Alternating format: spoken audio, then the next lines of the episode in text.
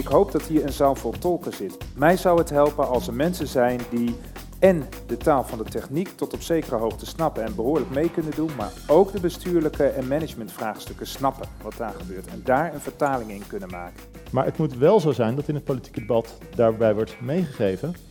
Prima dat we geen vroegsignalering doen op schulden, omdat wij een aantal gegevenssets niet met elkaar combineren. Maar daarmee accepteren we wel expliciet dat we dus een x-percentage en hoogstwaarschijnlijk niet gaan helpen, terwijl we als overheid die informatie wel hebben. Druk gewoon terug. Veel discussie, maar dat hebben we wel nodig. Welkom in de publieke ruimte. Een podcast over prangende vragen en taaie dilemma's die komen kijken bij een betere publieke dienstverlening. De plek waar nieuwe perspectieven een podium krijgen. Welkom, welkom in de publieke ruimte, waarin we het deze keer gaan hebben over de digitale overheid. En dat doen we door terug te blikken op een eh, congresdag van I-Interim Rijk, die in het teken stond van de relatie tussen dienstverlening en digitalisering. Stond zo'n mooi hartje tussen, Otto. Ja, uh, loves betekent dat, heb ik gehoord. Hey, tijdens dit congres mochten wij als podcastmakers in de rol van dagvoorzitters een paneldiscussie leiden met enkele bestuurlijke trekkers van de beweging Werk aan Uitvoering. Die zaten daar op uitnodiging van I-Interim Rijk, bij wie we vandaag ook te gast zijn. Uh, Martijn, hoe, hoe, hoe, kijk jij terug op die dag? Het was een mooie dag. Ja. Uh, wij mochten op een podium staan. In één keer zaten wij niet meer in een anoniem hokje. Zoals nu eigenlijk ook weer. Ja. Maar, maar, maar uh, op een podium voor allemaal e-professionals te vertellen over werk en uitvoering. Over de ambitie en ook over de dilemma's die bij kwamen kijken. En heel mooi dat de, de trekkers daar ook bij waren. Die aan de ene kant uh, ook de dilemma's schetsten, maar ook uh, een hart onder de riem staken. Daar gaan we zo meteen wel iets meer over horen. Maar dat vond ik een mooi, uh, mooi ja, beeld. Precies, een soort, soort werk en uitvoering komt naar je toe deze ja, herfst. Dat, wel, ja. dat, dat, gevoel. Ja, hey, en bij ons aan tafel zitten drie gasten die de verbinding zoeken tussen de opgave van werk en uitvoering en de dagelijkse inzet van interimmers bij de Rijksoverheid. Die werken aan een betere informatievoorziening en ICT. Robert Pel, jij bent directeur sociaal domein bij I-Interim Rijk. Met welke verwachting begon je eigenlijk aan deze dag? Ik begon met de verwachting, um, die mooi is uitgekomen, om nog eens extra stil te staan met elkaar bij belangrijke thema's die spelen. Thematiek ook waar wij als, als professionals binnen e-interim, met meer dan 200 mensen binnen de Rijks, uh, Rijksdienst in de breedte, um, waar we mee bezig zijn en waar we nog eens extra stil kunnen staan met elkaar, wat het nou betekent en de bewustwording daarvan. En ook mooi om een aantal concrete boodschappen ook uh, mee te hebben gekregen. Ja. Daar, dat, daar hoopte ik ook op. Nou, die boodschappen die gaan we zeker laten horen, ook uh, in, in deze podcast. Um, Marcel Staring, jij uh, zorgt bij I-Interim Rijk voor de programmaversterking op HR-gebied.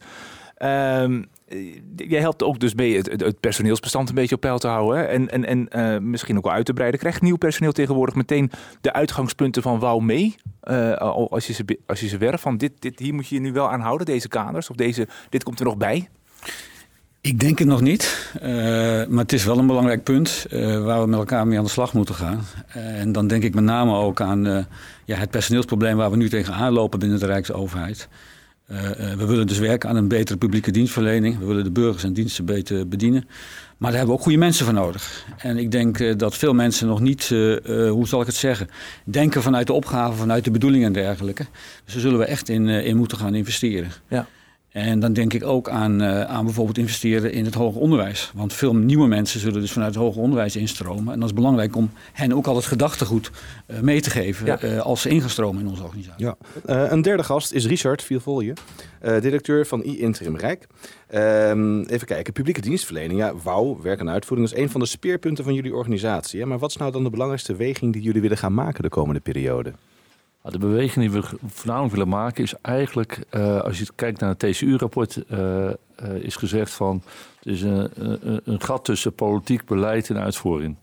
En eigenlijk willen wij die dingen bij elkaar brengen in de vertaling ook met de digitalisering. Dus met onze kennis en realisatiekracht willen we kijken of we die verbinding kunnen maken tussen al die terreinen.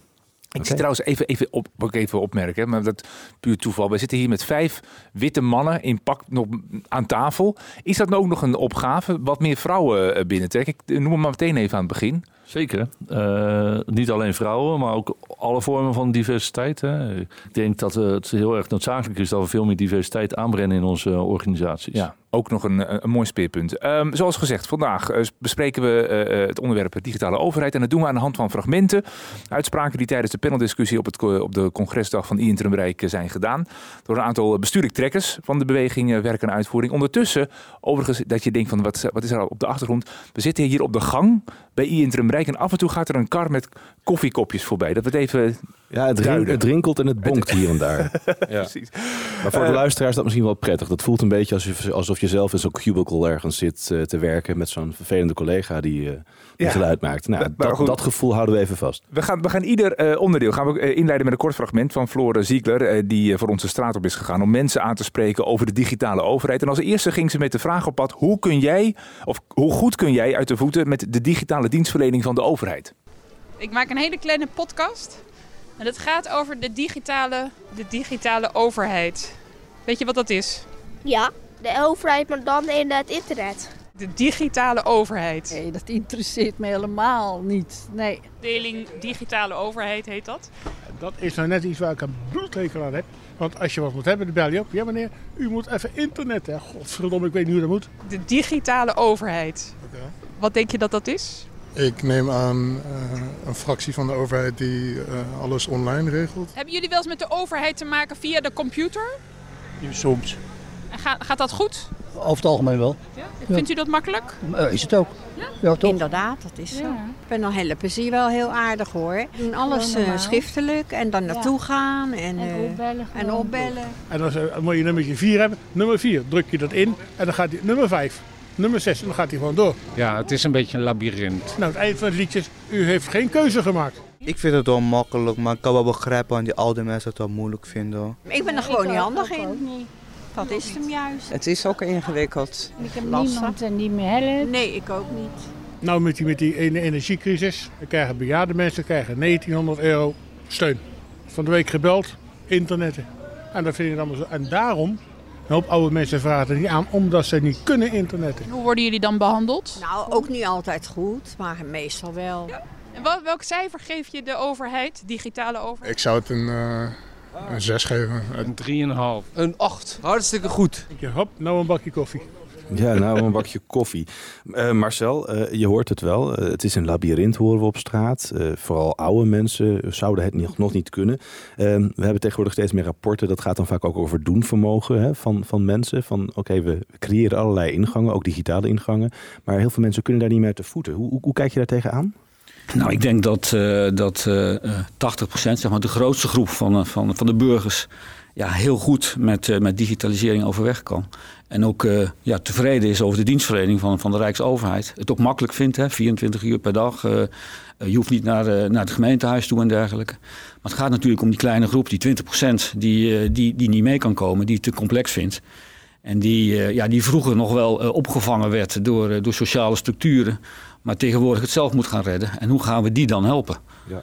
En daar hebben we denk ik de afgelopen jaren uh, door die bezuinigingen in de uitvoering, door die procesautomatisering niet echt rekening mee gehouden. Waardoor die nu een beetje buiten de boot aan het vallen zijn. Ja. Laten we eens even luisteren wat er over dit onderwerp in de paneldiscussie uh, tijdens de congresdag van I-Interim Rijk werd gezegd. Een van de panelleden was Arne van Hout.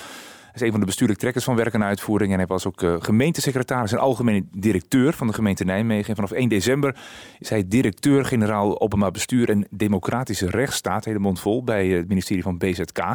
En hij ziet merendeel, hij ziet dat het merendeel van de mensen hun weg digitaal wel vindt bij de overheid, maar, maar er valt ook nog wel wat te winnen. Je ziet een aantal mensen die ontzettend tevreden zijn over de overheidsdienstverlening. En wat we zien is de mensen die hun uh, weg in de digitale wereld goed weten te vinden. Let wel, hè, dat is zo'n 80% van onze dienstverlening. Gaat gewoon prima, dus dat moeten we ook overeind houden.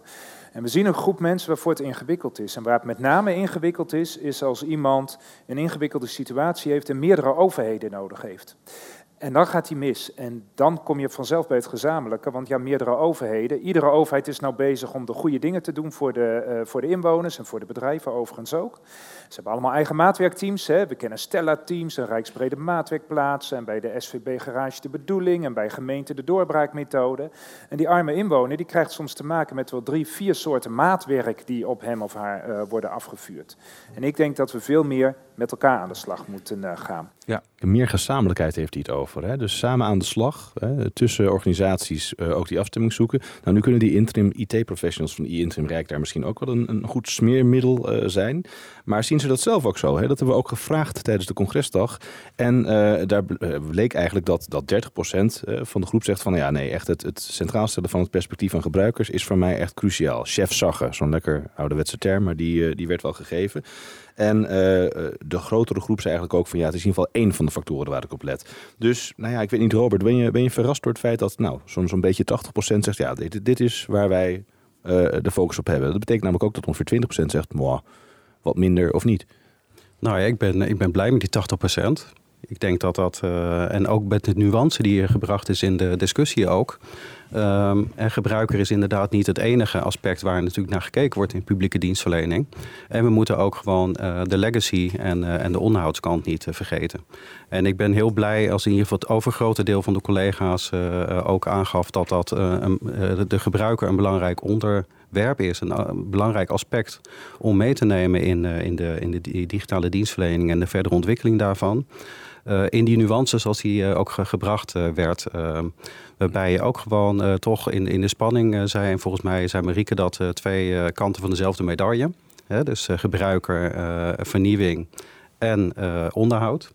Om in die balans goed, goed te balanceren. En dat daar het overgrote deel van de collega's in ieder geval zegt van nou dat vind ik belangrijk en dat is, dat is besteed ik aandacht aan. Daar ben ik blij mee. Ja, 20 procent. Ik denk dat we daar ook gewoon uh, met, met elkaar ook nog verder in bewustwording uh, aan de slag kunnen. Om met elkaar ook de dialoog te gaan van hey, welke andere kanten zijn er ook waar we ook gewoon goed rekening mee moeten, moeten ja. houden hierbij. Ja. Een, heel, een heel klein deel, die zei 6 procent, die zegt van ik hou me er totaal niet mee bezig hè, met, met het perspectief van de gebruikers. Maar een van de panelleden vond daar wel wat van ik vind het te makkelijk om te zeggen, daar ben ik niet van als IT'er. Ik vind echt dat we er allemaal van moeten zijn. En ik snap ook dat het een van de factoren is waar je rekening mee moet houden. Uh, maar het is wel een hele cruciale, uh, cruciale factor. Ja. Dus dan moeten we elkaar in scherp houden dat je dat doet. Dus ik, en ik, ik ben ook wel eens met Arne, hou op met het woord chefzaggen. Dit is van ons allemaal. Uh, en je moet iedere dag volgens mij opstaan en jezelf in de spiegel kijken, waarom doe ik dit werk? Uh, en ook IT'er ben je uiteindelijk om bij te dragen aan een maatschappelijke opgave. Die bijdraagt aan uh, betere dienstverlening of beter beleid of betere uitvoering voor burgers, bedrijven, laten we die ook niet vergeten jongens, en ambtenaren of nou ja, als je in de interne dienstverlening zit. Ja, dit was eh, Marieke van Wallenburg. Zij is directeur-generaal digitalisering en overheidsorganisatie bij het ministerie van Binnenlandse Zaken.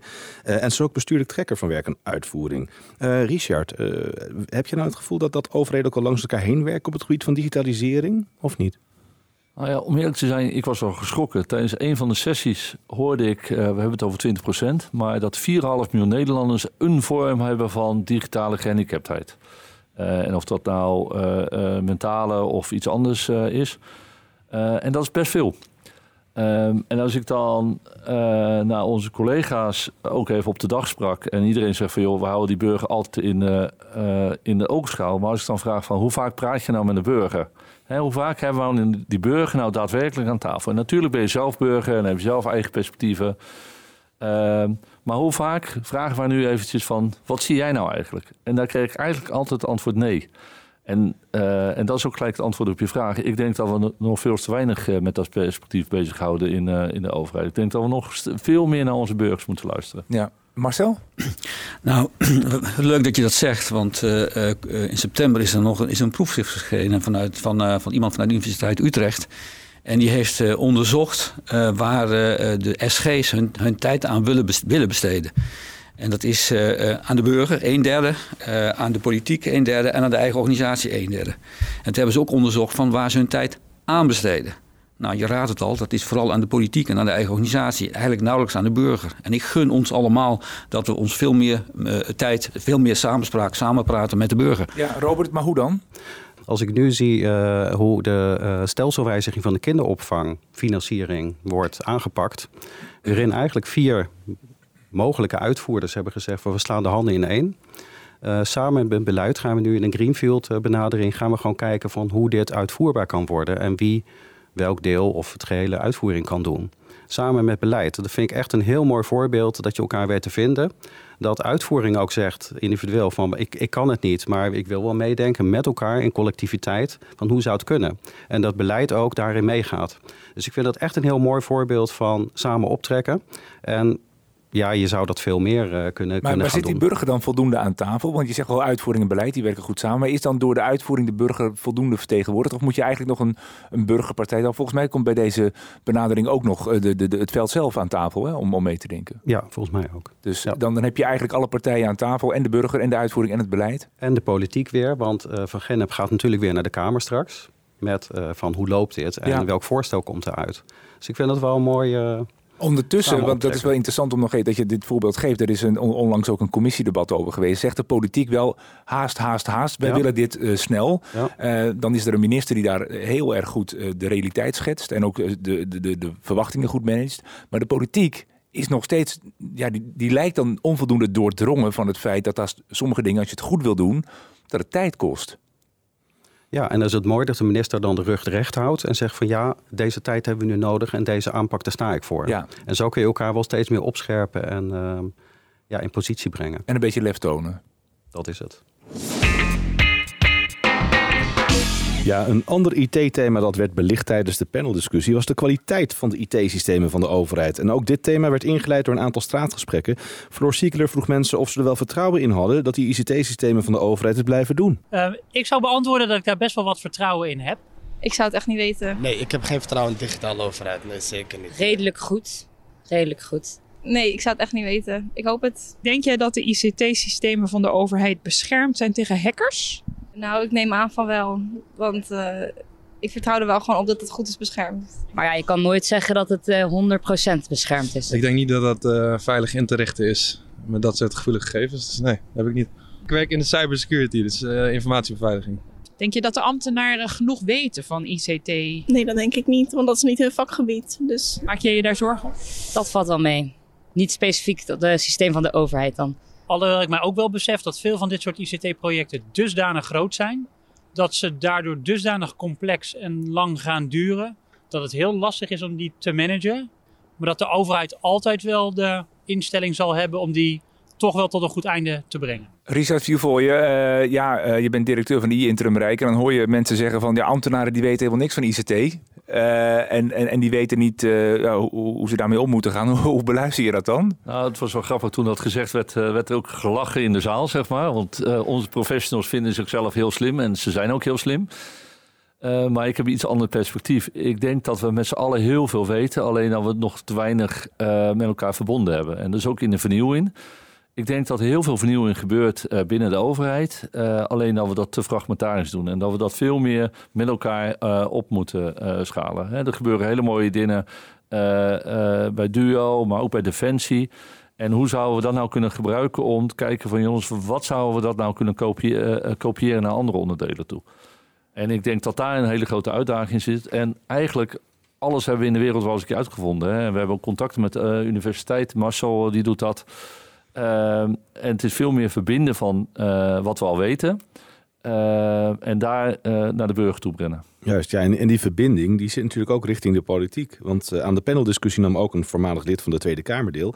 Evert-Jan Slootweg. Hij was Kamerlid voor het CDA. En ook lid van de tijdelijke commissie Uitvoering, die zojuist ook al genoemd werd.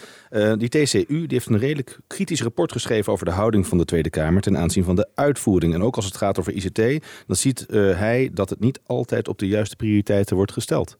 Nou ja, ehm, een van de bevindingen die we in ons rapport hadden, dat eh, als het gaat over vernieuwing, ehm, en dat sluit misschien ook aan bij elke ontwikkeling die we in de marktpartijen zien, en waar natuurlijk ook veel inwoners zeggen van ja, maar dit en dit en dit kan wel, dat daar eigenlijk alle aandacht vanuit de politiek wel is. Maar als het gaat over onderhoud en eh, vooral ook achterstanden, dan is die aandacht er niet. Dus eh Richard, je hoort dus er is voldoende eh, aandacht voor vernieuwing. Maar juist die basis op orde eh, en ook dat onderhoud, wat minstens zo belangrijk is. Ja, is, is daar wel voldoende ruimte voor en ook aandacht voor om de oude meuk op orde te brengen? Ja, ik denk dat dat juist ook ons grootste probleem is. Dat we natuurlijk het gebouwd hebben van het oude meuk. Hè. Het is niet zoals Tesla bijvoorbeeld helemaal een nieuw bedrijf ko- kon starten. Maar Ehm, en, maar ik denk dat het heel erg belangrijk is. Het is ondertussen wel een spaghetti sliert van allerlei systemen. Ehm, en tegelijkertijd denk ik van, joh, kijk eens naar wat we wel kunnen. Ehm, weet je, in die afgelopen twintig jaar is die techniek zo snel eh, eh, gegaan. En ik denk inderdaad dat wij heel veel tijd en aandacht moeten besteden aan onderhoud en aan vernieuwing tegelijkertijd. En dat, dat is onze grootste uitdaging. Ja, maar Robert, zie je dan ook dat je professional eh, af en toe wordt ge- nou, eh, aangespoord om ga maar vernieuwen, terwijl die eigenlijk zegt, jongens, maar daar is hier nog iets op te ruimen. We moeten eerst dit op orde brengen. En, en hoe, hoe gaat dat gesprek dan met, eh, met organisaties? Ja, ik, ik, ik noemde het net al in, in relatie tot eh, de gebruiker, hè, die belangrijk is. Dat is vaak, heeft vaak met vernieuwing te maken, maar zeker ook met onderhoud. Kijk, en het, het is ook, eh, het is ook een, een, een, lastige balans om daar gewoon een goede, goede ja, een, een vraagstuk om een goede balans in te vinden. Ehm, je hebt natuurlijk lifecycle management, portfolio management, eh, IV-sturing. Je kunt er veel op doen. Dat zijn ook gewoon technieken en, en ervaringen die we ook gewoon kunnen inzetten. Maar uiteindelijk, ja, je kunt je tijd en je geld maar één keer besteden. Dus er moeten ook gewoon wel overwogen keuzes worden gemaakt. En ook af en toe wordt gezegd, en dat is de consequentie van een keuze. Dan zeggen van nou, dan doen we dit dus niet nu. Of dan doen we dat gewoon later. En dan moeten we met elkaar ook accepteren. En dan kom je weer bij de, eh, bij de eh, dat je daar wel het goede gesprek en elkaar in elkaars rollen moet accepteren, respecteren en accepteren. Zowel uitvoering als beleid als politiek. Ja, we hebben ook even de thermometer in de zaal gestoken. Ja. Als het gaat om eh, de, de, het vertrouwen in de ICT van de overheid. Nou ja, wat, wat opvalt is dat in ieder geval ongeveer een kwart van de mensen in de zaal zei van nou ja, ik, ik, ik denk dat eigenlijk die staat van onze systemen over drie jaar nog niet echt verbeterd zijn. Ook omdat bestuurlijk gedragen investeringen uitblijven. Hè? Een beetje ook wat jij zegt Robert, van nou ja, je kan je geld maar één keer uitgeven. Ehm, politiek gezien is het vaak niet heel erg sexy of interessant om enorm veel tijd of aandacht te besteden aan digitalisering. Je scoort er zeg maar geen voorpagina in de krant mee. Dus je merkt ook dat naarmate die eh, politieke aandacht beperkt is, dat het moeilijk is om wellicht en de basis op orde te brengen als ook te vernieuwen. Het goede nieuws is dat ongeveer 40% van de zaal zei van nou ja, ik geloof wel dat, dat het beter gaat. Hè, ook wat Richard eigenlijk net aangeeft. Ik denk ook dat het de verbetering doorzet. En dat komt met name door die samenwerking. Hè, die verbinding, die interbestuurlijke samenwerking die we zoeken. En daardoor kunnen we komen tot eh, innovatie, tot, tot nieuwe inzichten. En dat, dat leidt ook echt tot betere, betere opzet. Ehm, maar ja, ik, ik zit even te zoeken. Hè. Eh, een, kleine groep die zegt toch ook wel, ik, ik vind het best wel rampzalig. Want, want, want ja, 7% zei van nou, we zijn eigenlijk al over die houdbaarheidsdatum heen. Eh, Marcel, kom je die collega's ook tegen die eigenlijk een beetje in de put zitten en zeggen, nou ja, ik vraag er al jaren om, ik krijg het gewoon, ik krijg het budget niet, ik krijg het besluit niet rond en ik zit hier maar met de oude, de oude meuk, zoals het heet. Ik denk dat dat eh, echt een gevolg is dus van, van de, de, de desinvestering en de uitvoering van de afgelopen jaren. Eh, tekorten, eh, eh, procesautomatisering, nadruk op geven en dergelijke. En ook eigenlijk misschien ook wel hoe, hoe eigenlijk de samenleving zich ontwikkeld heeft. Ik bedoel, het begon ooit met een verzorgingsstaat. Toen werd het allemaal bij, bij bedrijfsleven neergelegd. In, in 2015 moest het naar de gemeente toe. Ja, dat helpt natuurlijk ook niet om goede, robuuste systemen te bouwen. En ik denk dat veel uitvoeringsorganisaties ja, echt nu eh, eh, ja, niet veel energie kunnen stoppen in de innovatie. Hè, ik noemde net al in het begin van eh, waar haal je de mensen vandaan? Maar ook omdat gewoon die- sorry, die bestaande systemen eh, eh, eh, in de lucht gehouden moeten blijven worden. Ja, maar moet je dan politieke wensen maar even voor vier jaar parkeren en zeggen even die basis op orde, Richard? Ik zie hem met een grote glimlach zitten. Ja, dat was ook een van de suggesties. eh, van joh, we stoppen even vier jaar met politiek Ja. bedrijven en komen over vier jaar maar terug. En eh, ik denk niet dat het zo werkt. Hè. We zijn het vliegtuig aan het verbouwen terwijl het het vliegen is. Ehm, en ik denk dat wij middelen moeten zoeken met elkaar van hoe gaan we dit wel doen. En een van de vragen was ook over eh, van de samenwerking met marktpartijen. Ja. Ehm, en ik had toevallig van de week ook een leuk gesprek over cloud. Hè, heel veel cloudbewegingen. En ja, daar, daar ga je dus ook eh, eh, wat afhankelijkheden naar buiten organiseren. En dat betekent dat je gewoon veel afspraken moet ma- maken met de markt. En je kan zeggen, joh, de markt gaat misschien bepalen en gaat te snel. Maar je kan ook zeggen van jongens, hoe gaan we met de markt meebewegen eh, om het wel voor elkaar te krijgen. De, maar je zegt de markt gaat te snel. Eh, nu werk ik ook veel eh, met en voor gemeenten. Daar krijg je vaak de opmerking: marktpartijen domineren het tempo en die gaan te traag. Herken je dat ook? Ja, dat, we, dat herken, eh, herken ik ook. Maar ik denk dat het in een samenspel gaat. Ik heb zelf ook tijden bij een marktpartij gezeten. En de vraag is van... Ja, gaan ze te, eh, de, eh, te langzaam of eh, wordt de vraag niet goed eh, eh, gesteld? En ik denk dat die samenwerking gewoon beter op stand dient te komen. Zowel met de markt als met de burgers, als met het onderwijs eh, eh, en de overheid. En als dat, dat trucje met elkaar verzinnen, dan kunnen we versnelling krijgen. Ja. Dus even kijken. Nathan Ducastel die is sinds 2020 directeur-bestuurder bij VNG Realisatie. En deze uitvoeringsorganisatie die werkt in opdracht van 342 gemeenten... die samen de gemeentelijke uitvoering willen verbeteren. Ook bestuurlijk trekker van werk en uitvoering is hij. En hij mengt zich ook in het congres in deze discussie. Ik durf de stelling wel aan dat er bijna geen wetgeving meer ontstaat... waar niet een, een heel belangrijk informatiekundig en digitaliseringsaspect in zit... Als je kijkt naar de steloperatie kinderop van toeslagen en de rol van ICT, gegevensuitwisseling, ook in de oplossing, echt groot. Als je kijkt naar de energietoeslag die nu gegeven wordt, ook daar is de uitvoerbaarheid, inclusief de digitale component, echt groot. Zou ook andere oplossingen met zich mee kunnen brengen. En we gaan nu, en dat is denk ik ook de periode waar we nu in zitten en waar staatssecretaris Van Huffelen natuurlijk ook wel een hele belangrijke aanzet nu toe doet, naar een fase waarin we veel meer in de, het besef komen dat de hele samenleving door digitalisering aan het veranderen is. Ja, alles is eigenlijk digitaal. Nieuwe wetgeving heeft een grote digitale component. Nieuwe ideeën, nieuwe plannen kunnen niet zonder digitalisering. Um, er is ook een, een, agenda, waardegedreven digitaliseren, verschenen, waar Nathan naar verwijst. Um, Marcel, is dat een, een stap in de goede richting als we het op die manier benaderen? Een waardegedreven benadering van digitalisering? Een goede vraag. Ik uh, moet, moet hem nog even goed doorlezen. Maar uh, uh, ik denk wel dat, dat het werken vanuit waarden veel beter is dan het werken vanuit, noem het maar even, resultaten en dergelijke. Ja. Want dat verbindt mensen meer met waar, waar je het voor doet. Uiteindelijk doe het voor de, voor de burgers en voor de, en voor, voor de bedrijven. En die willen we echt fundamenteel helpen. Uh, de thema's die er genoemd zijn, die, dat, die vind ik wel prima. Ja. Dus de burger mee laten doen in het digitale tijdperk. Hè, die 20% erbij trekken bijvoorbeeld. De informatiehuishouding verbeteren. Hè, de toeslagenaffaire die dan natuurlijk dat heel erg duidelijk heeft gemaakt. Dat zijn goede thema's volgens mij om verder mee te gaan. Dus ja. ik denk dat het een goede ontwikkeling is. Dus ja, dus, zeker. Dus ook voor de e-professionals is het een kwestie van eens even je verdiepen in welke publieke waarden zijn er eigenlijk. Hoe verhouden ze zich tot elkaar? Uh, hoe, hoe komen we daarop verder? Uh, ik weet niet, uh, Robert, als je kijkt, jij zit vooral op sociaal domein. Sociaal ja. domein is juist ook een, een, plek waarin dat gesprek veel plaatsvindt. De menselijke mm -hmm. maat, menswaardigheid. Hè? Meer gevoel en prioriteit voor dat soort zaken. Hoor je dat ook al terug in de gesprekken die jij voert? Nou, niet expliciet in verbinding met de waardegedreven agenda en de waardegedreven overheid. maar wel de, de waarden die eronder liggen. En die, die Marcel net eigenlijk ook al, al, al, al noemde. Dus ik denk dat de agenda ook wel heel erg kan helpen daarbij om nog meer het gesprek erover te hebben. En sowieso is het nu, doordat we in deze beweging zitten, de aandacht voor de uitvoerbaarheid, de menselijke maat, nu veel meer op de agenda is, zijn deze gesprekken veel makkelijker te voeren dan twee, drie jaar geleden. Ja, daar was je, dan, dan stond je een beetje alleen haast eh, misschien wel, als je het er hierover had. Dus dit soort dingen gaat wel steeds meer helpen. Dit ja. helpt, ruggenwind. ja. ja. Het derde en uh, laatste thema dat werd besproken tijdens het congres was uh, gegevens. Um, welke gegevens heeft de overheid eigenlijk allemaal en wat is er allemaal mee mogelijk? En vooral ook wat zou de overheid er allemaal mee mogen doen? Ter inleiding van het onderwerp een paar korte soundbites van de straat, opgetekend door Floor Ziekler. Maar en heb je wel eens dat je het niet vertrouwt? Dat je je gegevens geeft en dat je denkt... Uh... Nee, joh, nee, joh, nee, joh, nee. Ik geef geen gegevens. Als ik denk het is niet belangrijk, geef ik geen gegevens. Ik heb geen geld, dus het is lekker makkelijk. Alles is toch veilig via DigiD of zo? Of, uh... Natuurlijk heel veel criminelen op internet, hè? Heel veel. Maar dus de overheid heeft soms gegevens van jou en dan gaan ze intern jouw gegevens doorgeven aan een andere afdeling. ID, welke prik ik allemaal heb, als ik voor iets allergisch ben of niet, welke ziekte ik heb waar ik woon. Vind je dat wel oké? Okay? Wel, ja. Oh, dat maakt mij niet uit hoor. Ik heb geen geheimen. Klik het meestal maar een beetje zo aan van ik ga akkoord dat... Uh... Ik weet toch niet wie ik ben.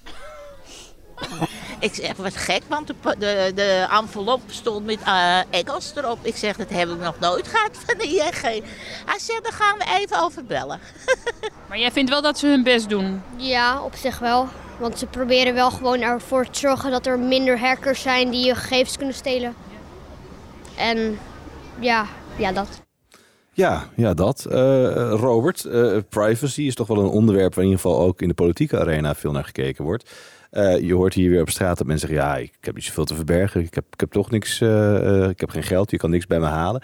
Um, die, die spanning aan de ene kant tussen het willen beschermen van mensen die misschien niet kunnen overzien wat er met hun gegevens gebeurt. En anderzijds organisaties die juist meer doelmatig willen werken door heel slim dingen uit te wisselen. Is dat een gesprek wat je, wat je regelmatig tegenkomt ook? Ja, ik hoor het wel uh, in onze praktijk ook. Uh, bijvoorbeeld bij de Belastingdienst, maar ook bijvoorbeeld rond de aardbevingsschade.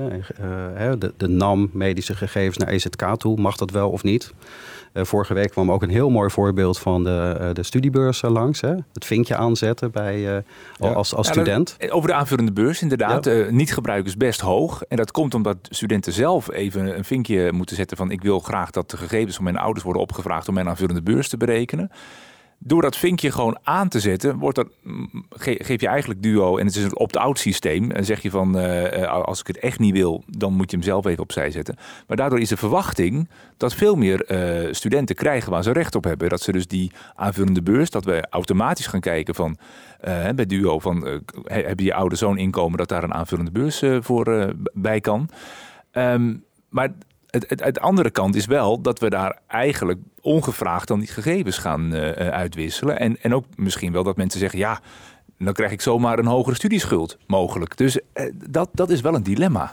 Ja. Maar, maar die moet je dan ook toch ook adresseren op het bestuurlijk niveau. Volgens mij is dat ook vorige week nadrukkelijk gezegd. Ja. Van uh, ga je nou kiezen voor die vroegsignalering, wetende dat je daarmee een aantal mensen uh, vroegtijdig kunt helpen die anders enorm in de problemen komen. Of zeg je nee, het mag niet vanwege allerlei privacyregels. Want het zijn wel bewuste keuzes die je dan moet gaan maken. Is waar. Is, mooi dat je dat zegt, want Nathan Ducastel van de VNG die had daar uh, iets over te zeggen. Luister maar even mee. Of je het opt-out of niet doet, is echt een politieke weging. Het kan allebei. Maar het moet wel zo zijn dat in het politieke debat daarbij wordt meegegeven. Prima dat we geen vroegsignalering doen op schulden, omdat wij een aantal gegevenssets niet met elkaar combineren. Maar daarmee accepteren we wel expliciet dat we dus een x-percentage, en dat, dat is vast te berekenen, uh, uh, hoogstwaarschijnlijk niet gaan helpen, terwijl we als overheid die informatie wel hebben. En laat het nou niet zo zijn dat we dan twee jaar later met z'n allen moord en brand schreeuwen dat we die mensen niet geholpen hebben, terwijl we het toch wisten. Ja. En dat stoort mij wel. En heel veel van deze discussies die zijn eenzijdig. Ook, ook hier zie je eigenlijk een, een onderscheid waarin dus dat opt-in, opt-out opeens een gesprek wordt. En dat is niet meer een functioneel gesprek voor iemand die in de IT-functie zit. Die zegt, moet ik nou het, het, veldje wel of niet aanmaken? Het is bijna een bestuurlijk gesprek. Het is een, een overweging, een keuze die op een andere tafel moet worden gemaakt. Die vraag hebben we trouwens ook wel voorgelegd uh, aan de zaal. We hebben gevraagd van, nou, is betere gegevensuitwisseling, kan het bijvoorbeeld het vertrouwen in de overheid versterken? En dan zie je toch dat een grote groep zegt, ja, nee, absoluut. Hè. Eh, dat hoort ook bij een nieuwe rol van de overheid. Dus die hele transitie die ook hier besproken wordt, hè, Richard had het daar ook al over.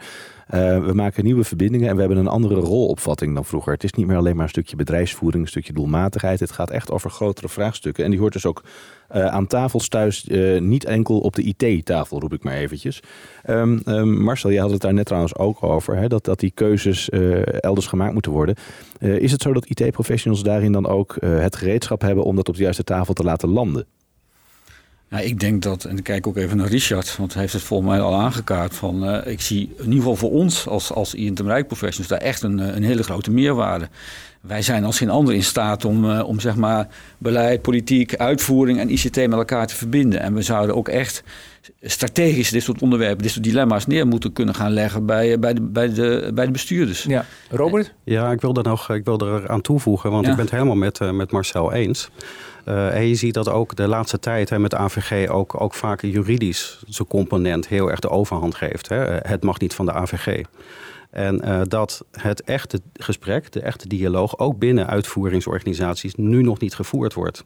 En dat juist het gezamenlijk met elkaar spreken vanuit verschillende invalshoeken nog veel beter moet en kan. En daar kunnen we zeker een bijdrage, dat doen we ook voor, bij de Belastingdienst via tafel, zullen we zeggen, van uh, de, het systeem in, in, in de, de system in the room. Uh, binnen de uitvoerder is dat al een, een, uitdaging om te doen. En dat je echt met elkaar ook zegt, ook bestuurlijk, hè, binnen de uitvoerder van nou, zo kijken we er tegenaan, alle belangen afwegend. En vervolgens kun je dan ook het gesprek gaan met politiek, met beleid, met, met de AP. Uh, dus dat moet nog veel meer. Uh, wij hebben er veel ervaring mee. We hebben ook expertgroepen op dat gebied waar we ook die ervaringen mee uitwisselen onderling. Richard? Ja, ik wil er nog even extra benadrukken, hè, want uh, het gaat over een vinkje. Weet je wel, waar ja. vroeger een IT'er dacht van, joh, zet ik dat vinkje aan of niet, weet je wel. En dat werd eigenlijk uh, misschien in dat donkere uh, kamertje bedacht, ja. achter een schermpje van, nou, leuk dat vinkje aan en uit. En hoe waanzinnig belangrijk is het dat we dat gesprek organiseren. Hè? Want het gaat uiteindelijk over iemand, krijgt hij wel geld op zijn rekening of niet. geven hem uiteindelijk de kans uh, om zichzelf misschien te ontwikkelen uh, en een later uh, een betere baan te krijgen. En het gaat over een vinkje. En zo simpel is het uh, soms. En ik was eigenlijk op dat hele congres, was dit mijn grootste insight. Van iets wat heel makkelijk lijkt, moeten we echt over nadenken met elkaar en het gesprek organiseren. Want het kan misschien wel veel meer consequenties hebben dan het, uh, dan het daadwerkelijk heeft. Laten we nog even luisteren naar een, een inbreng van een van de panelleden, ook Anne van Hout. Ik heb het idee dat wij uh, de hele discussie over gegevensuitwisseling en gegevensbescherming en het helpen van mensen, dat het in een kramp terecht is gekomen. En dat begint al op dat lokale niveau van gemeenten, waarin wij een tets om de oren krijgen soms van de Nationaal Ombudsman, die zegt, je hebt hier een gezinde vernieling in geholpen, je had ze kunnen helpen, ze hebben zelf niet het loket opgezocht, want dat, die tegenwoordigheid van geest hadden ze niet. Een verdorie gemeente, je had die gegevens, je had ze integraal kunnen helpen, waarom heb je het niet gedaan? En de media en de politiek sentiment en weet ik allemaal roept moord en brand. En tegelijkertijd, als je het wel zou doen hè, en gegevens koppelt, dan krijg je de autoriteit persoonsgegevens op je dak. Ja, daarvoor was het niet bedoeld om die gegevens te combineren. En wat wij niet goed doen, is dit gesprek op een goede manier agenderen. Dus wij in de uitvoering moeten gewoon zeggen, beste mensen, dit is er op dit moment aan de hand. We hebben het idee dat we voor een groot deel mensen niet aan het helpen zijn op dit moment. En die keuze kunnen we maken, want er zit ook een groter doel wellicht achter. Dit is de keus die voor ligt en daar zult u nu een knoop over door moeten hakken. Ik had het net ook over die bestuurlijke dilemma's in beeld brengen. Dat moeten we hier beter doen, anders blijven we in algemeenheden dingen tegen elkaar zeggen. Dan zeggen we dit over een jaar nog steeds tegen elkaar. Ja. Anne van Hout, directeur-generaal Openbaar Bestuur en Democratische Rechtsstaat bij het ministerie van BZK. Uh, Robert, herken jij die kramp? Die hij beschrijft? Ja, dat is wat ik net ook eh, zei. Hè, dat je inderdaad dan de kramp hebt van het mag niet. Of eh, het moet. Of, uh, terwijl je juist in, in met elkaar in, in, in die dilemma's. Nou, dilemma's per definitie. Hè, daar moet je het met elkaar over, over spreken. Want het is geen, geen logische uitkomst. Ik vond het ook mooi dat het minister Schouten eerder dit jaar rond armoedebeleid. natuurlijk dat ook dat, dat, dat in, de, in, de, in de groep gooide. Hè, om het debat daarover te willen aangaan. Dat is typisch ook zo'n voorbeeld. Van, hè, je kunt mensen meer helpen door wat uh, terwijl je ook de, gewoon de, de, de, de, de wetgeving hebt die daar dat ook weer bemoeilijkt. Dus hoe ga je ook met dat dilemma om? Ja, dus je moet gewoon het debat voeren erover. En ik vind, ik vind het mooi dat het ook steeds meer uh, uh, gebeurt.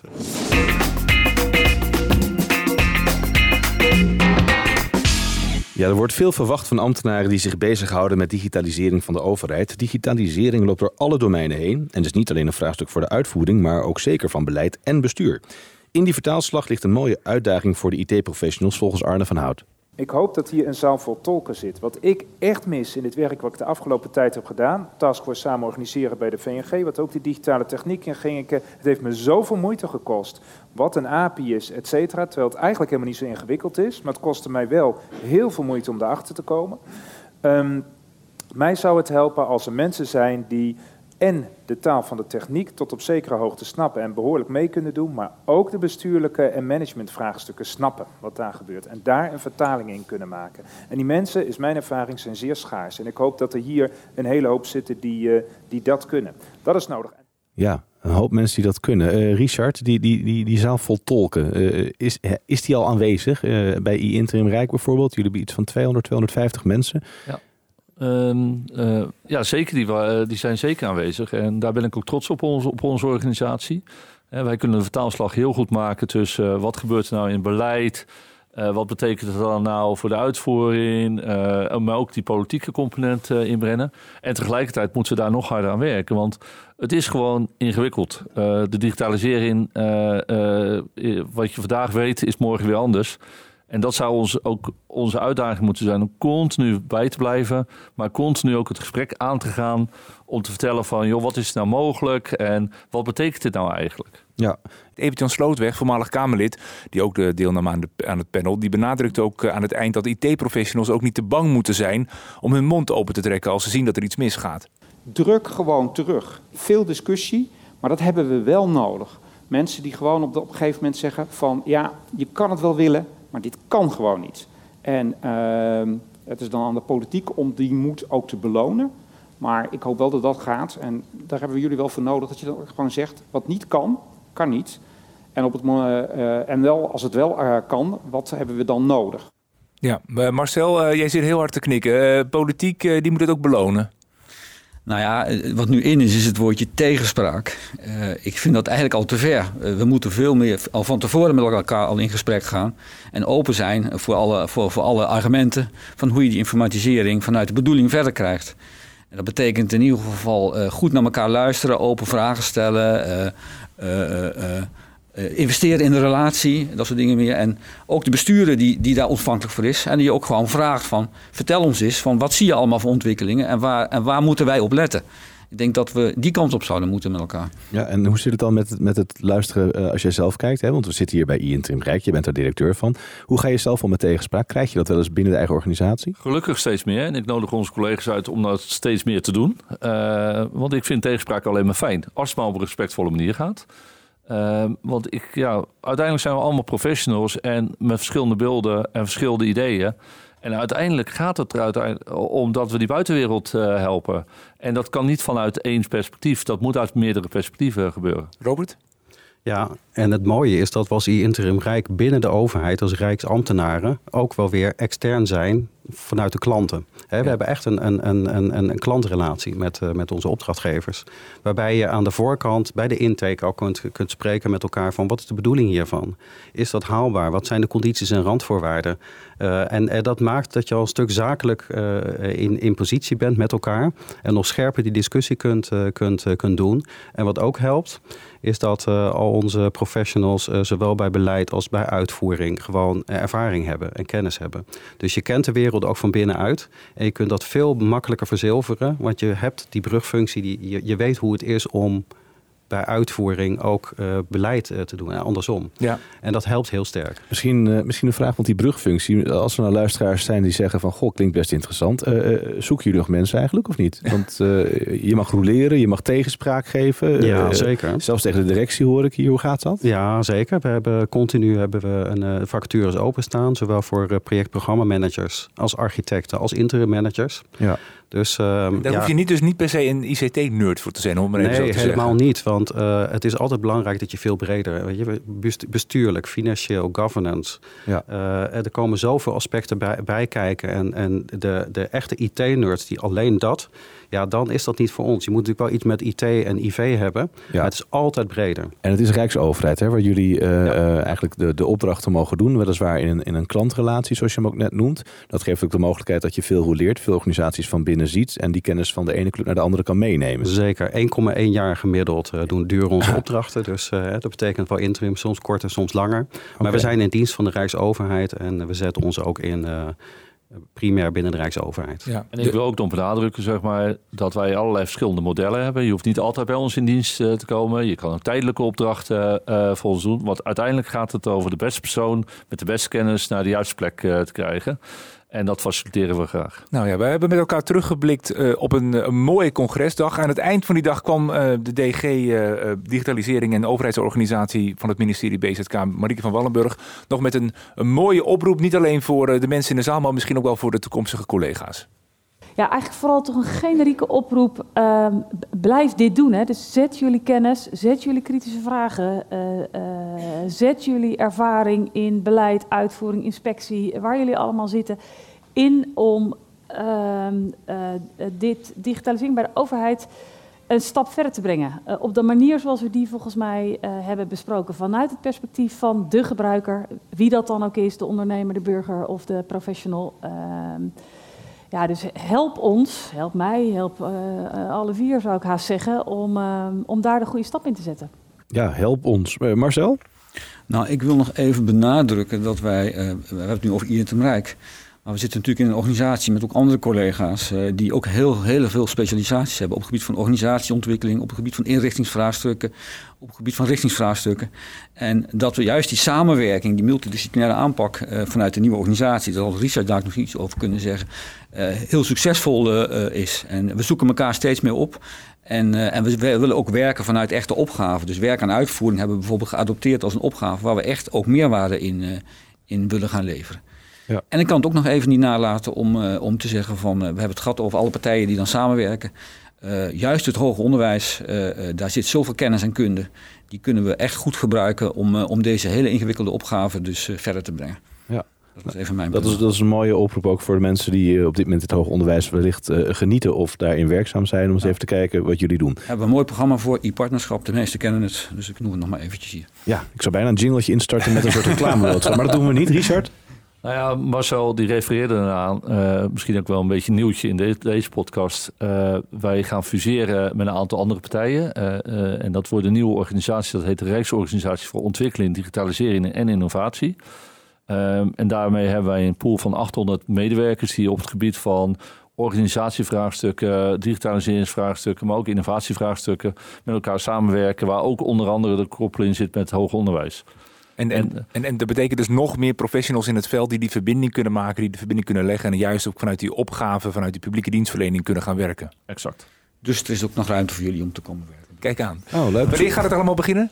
Eh, per 1 januari staat een nieuwe organisatie. Eh, en we, die organisatie eh, is er al. Hè, het zijn allemaal nu losse organisaties die we bij elkaar voegen. En juist onder andere door bijvoorbeeld werk en uitvoering als prioritaire opgave te benoemen, proberen we die kennis en ervaring en die realisatiekracht echt terug te brengen naar de Rijksoverheid en in de overheid in de breedte. Ja, dank jullie wel en dank jullie wel voor ja, dit thema, het, toelichten van dit thema digitalisering met een hartje publieke dienstverlening.